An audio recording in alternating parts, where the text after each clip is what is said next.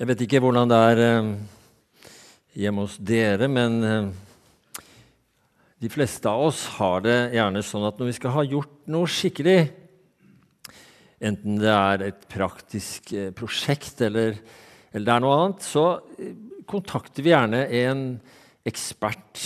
En som har virkelig god greie på akkurat det vi skal gjøre. Og da får vi hvis vi ikke er gift med en ekspert, da. Det er jo ikke alle av oss som er det. Eh, spørs jo hva det handler om. Men da får vi enten tak i en ekte, levende ekspert på saken. Eller vi googler.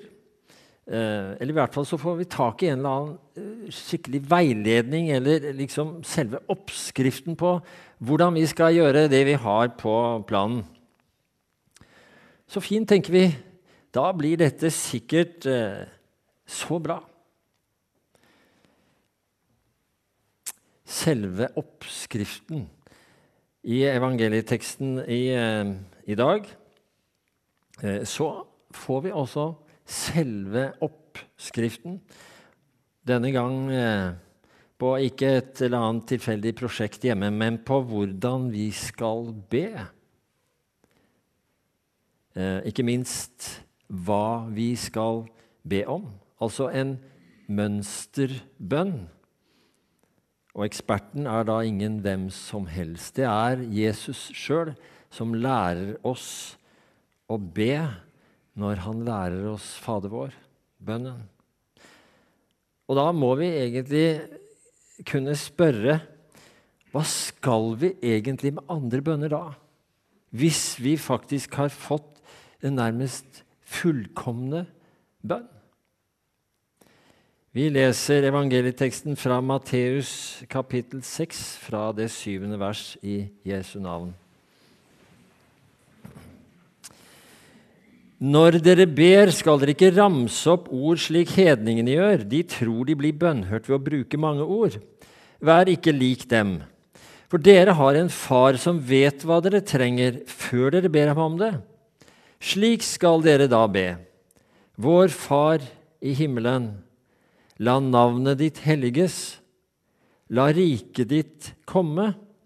La viljen din skje på jorden slik som i himmelen. Gi oss i dag vårt daglige brød, og tilgi oss vår skyld, slik også vi tilgir våre skyldnere. Og la oss ikke komme i fristelse, men frels oss fra det onde. For riket er ditt, og makten og æren i evighet. Amen. Gode Gud, himmelske Far, vi priser ditt navn, og vi takker deg nå spesielt fordi du lærer oss å be, og be rett i ditt navn, Jesus. Og vi ber deg, Herre, styrk og forny bønnens liv hos oss som menighet og som eh, enkeltvis. At vi kan knyttes enda sterkere til deg i troen og i bønnen. Amen.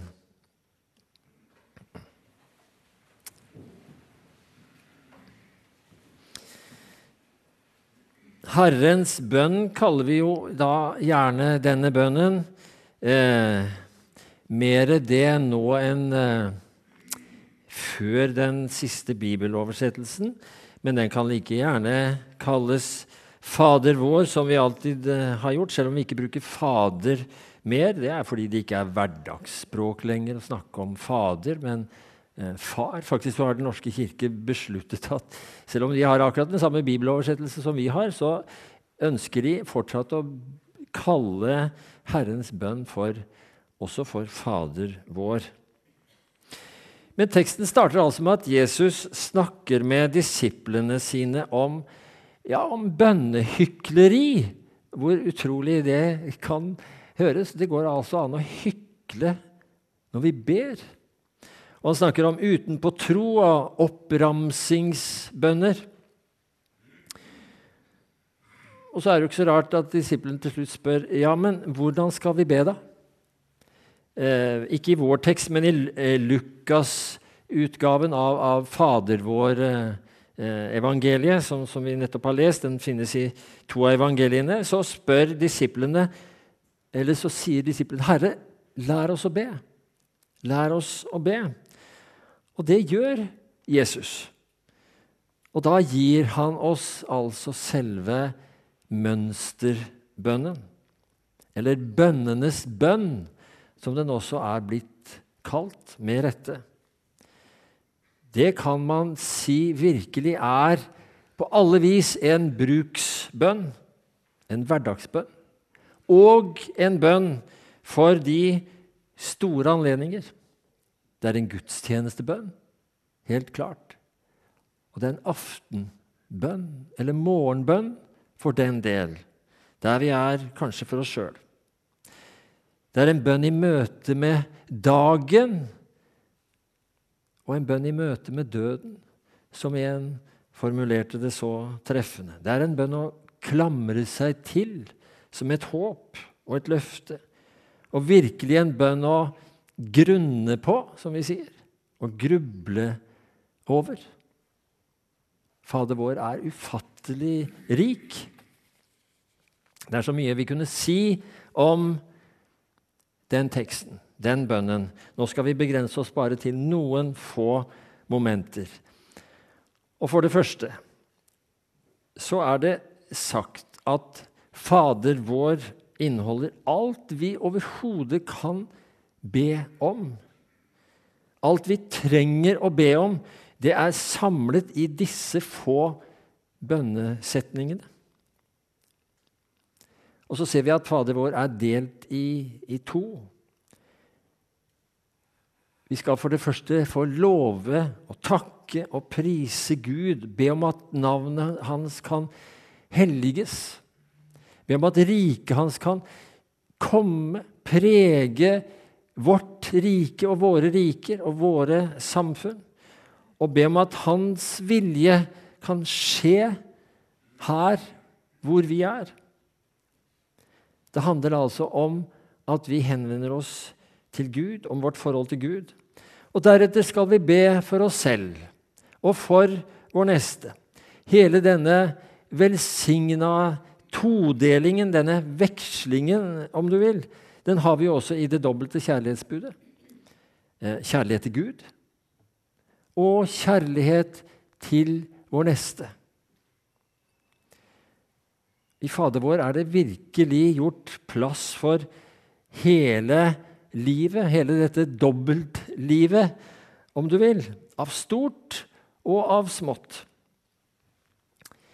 Der lovpriser vi Gud i hyllest og i takk. Og vi ber om ikke må komme i en, en fristelse som vi ikke greier å stå imot, som vil føre oss til fall. Og vi ber om å bli bevart fra ondskap, fra nød, fra sorg, fra smerte, fra djevelens makt. Og så ber vi om å få det daglige brød, at Gud må gi oss det. Ja, brød, hva er nå det? Ja, det er det ikke alle rundt omkring i verden som uten videre vet om hva er.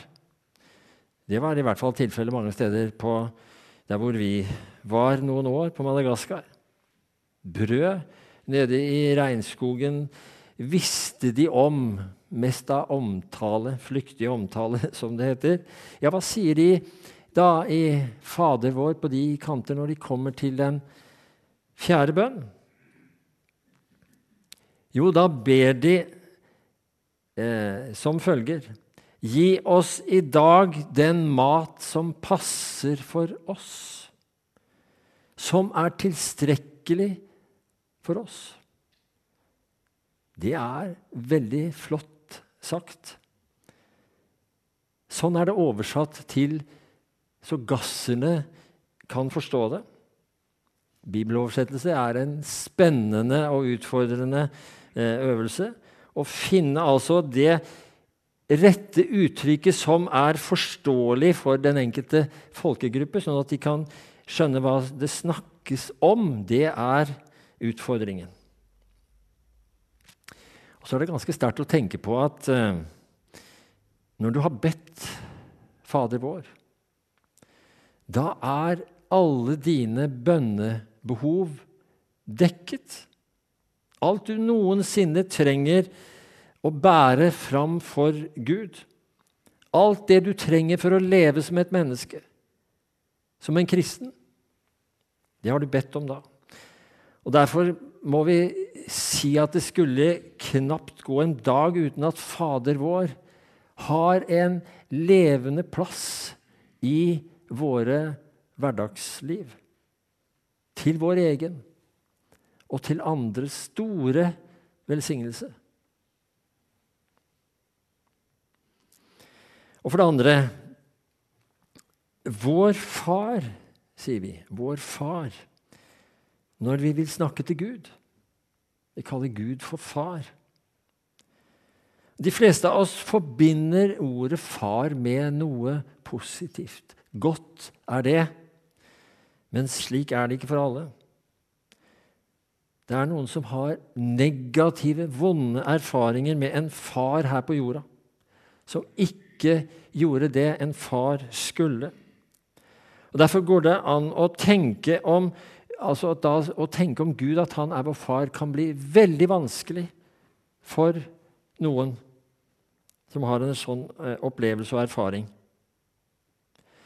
Men å kalle Gud min far Det betyr jo ikke at han ligner på den far på jorda som gjorde så mye vondt, eller som var så mye borte, så lite til stede der han skulle. Gud er ikke lik en sånn far. Tvert imot så er han modellen for alt som heter far. Den far vi alle innerst inne lengter til. Alt vi kan forestille oss av faderlig omsorg og godhet, det er Gud. Sånn er Gud. Guds farskjærlighet endres ikke av, altså av våre smertefulle, vanskelige erfaringer med en jordisk far. Og godt er det. Er vi troløse? Ja, hvordan heter det om far da? Jo, da er han trofast. For han kan ikke fornekte seg selv, sier Paulus i 2. Timotius. Og For det tredje så heter det altså Herrens bønn Fader vår, ikke Fader min. Skal vi be Fader min sammen? Vi sier jo ikke det. Vi sier Fader vår. Eller vi sier 'vår Far i himmelen', ikke 'min Far i himmelen' i den nye oversettelsen. Enda Jesus sier at når vi skal be, hva skal vi gjøre da? Jo, vi skal gå inn i vårt bønnerom og lukke døra og be til din far som er i det skjulte, som eh, Jesus sier. Ja, det er sant. Det skal vi gjøre. Men den samme Jesus sier jo et annet sted at der hvor to eller tre er samlet i mitt navn, og da også i bønn, der er jeg midt iblant og sammen med dem. Så Begge disse bønneformene har en viktig og god plass i våre kristenliv. Bønnen alene eller bønnen sammen med noen andre. Det er en utrolig rikdom i å, det også å kunne be sammen med noen andre. Har du gjort noen erfaringer på det? Mange av dere har det. Det var uvant for oss i Delk for en del år tilbake. Nå har det mye større plass og en, jeg vil si i mange sammenhenger en naturlig plass. Og Har du ikke så mye erfaringer på det å be i et fellesskap, be sammen med én eller noen flere, så Prøv å, deg, prøv å, gjøre det mulig at du kan få noen erfaringer på det. Det er så rikt og så eh, velsigna. Samtidig er altså eh, Fader vår en, en fellesbønn som både inkluderer meg selv og alle mennesker. Jeg ber til Gud på vegne av meg selv og på vegne av alle andre. Og så ber jeg for meg selv, og jeg ber for alle mine neste, om du kan si det sånn, alle mine medmennesker. Gi oss i dag vårt daglige brød, ber vi der vi sitter, kanskje aleine. Det er et fantastisk perspektiv å ha over denne Herrens bønn han lærer oss. Og til slutt Bønn er nåde. Bønn er hvile. Og bønn er også iblant slitsomt arbeid. Krevende. Hvis vi tar det alvorlig. Det er ikke alle bønner som er like lette å be.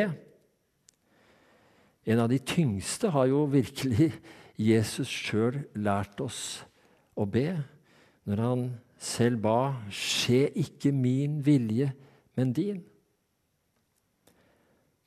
Ba han til sin himmelske far, og vi husker sammenhengen. Han står der altså framfor sin lidelse og død. Det er en sang som handler om akkurat det, som vi skal synge nå. Hvor altså første strofen lyder sånn Den vanskeligste bønn å be med ærlig sinn er bønnen 'La din vilje skje'. Det er så sant. Det er sånn iblant for noen av oss at vi nesten ikke tør be den. Det er for risikabelt å si det til Gud. La din vilje skje. Og sangen som vi skal synge, den legger heller ikke skjul på smerten i, i bønnen. Men den slutter allikevel så oppløftende. Det å, å, be om at Guds vilje må skje med, med, meg, det er jo virkelig den beste bønnen som vi kan be i det hele tatt. Det er jo det beste som kan skje oss. At Guds vilje til sist må skje med oss. Må Gud velsigne oss alle til dette velsigna og gode bønnelivet. I Jesu navn. Amen.